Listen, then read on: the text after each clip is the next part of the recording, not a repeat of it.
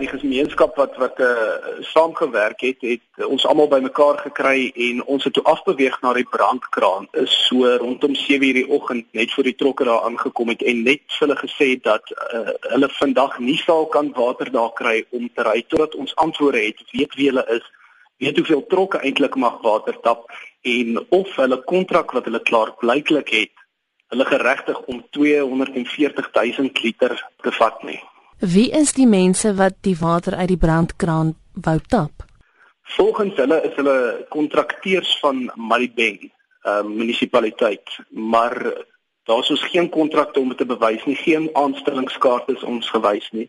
Uh elke keer as ons hulle vra wie hulle is of wie is die kontrakhouer, dan ehm um, loop hulle weg of hulle bly stil of hulle sê hulle kan nie daaroor praat nie, so ons weet nie.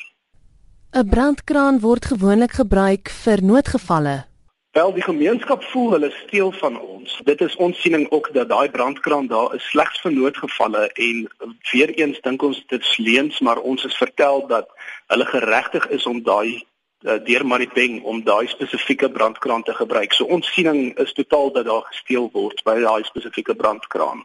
Waarom is die gemeenskap bekommerd hieroor?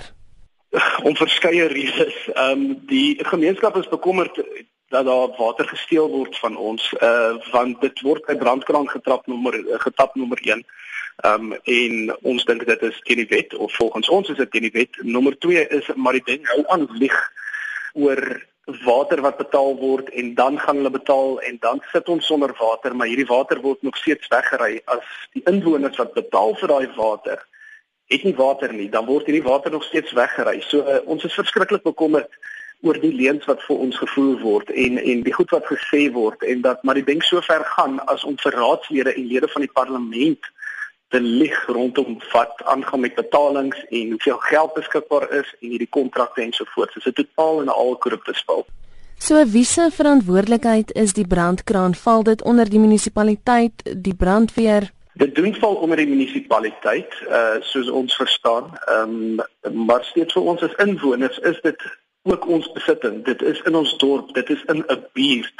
Dis langs 'n winkelsentrum, dit is 'n paar meter van 'n skool af en dit is vir ons onaanvaarbaar dat daar 24 trokke op 'n slag daar op en af beweeg. Dit is 'n baie baie besige straat en dit is een groot modderspil en 24 trokke wat 7 dae week oor randsteenery en 'n pad indraai. Dit is net modder en die pad is besig om te verbrokkel al daar.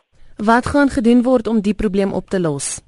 Wel, sover gaan ons dan maar net aanhou en hopelik wen. Ons het tot dusver nog geen antwoorde gekry nie. Uh, ek weet die raadslede en Leon Basson van die DA is besig om vrae te vra en 'n ondersoek te doen, maar terwyl ons vir hulle wag, gaan ons wel net sorg dat daai brandkraan nie gebruik word nie. Vandag is Maandag, so die derde dag in in 'n ry is die trokke nie daar om water te tap nie. Ehm um, so ons gaan net aan doen wat ons doen totdat ons antwoorde kry, totdat ons as gemeenskap tevrede is. Nie baie denk voel hulle het ons geantwoord nie totdat ons tevrede is met die antwoorde wat hulle vir ons gee.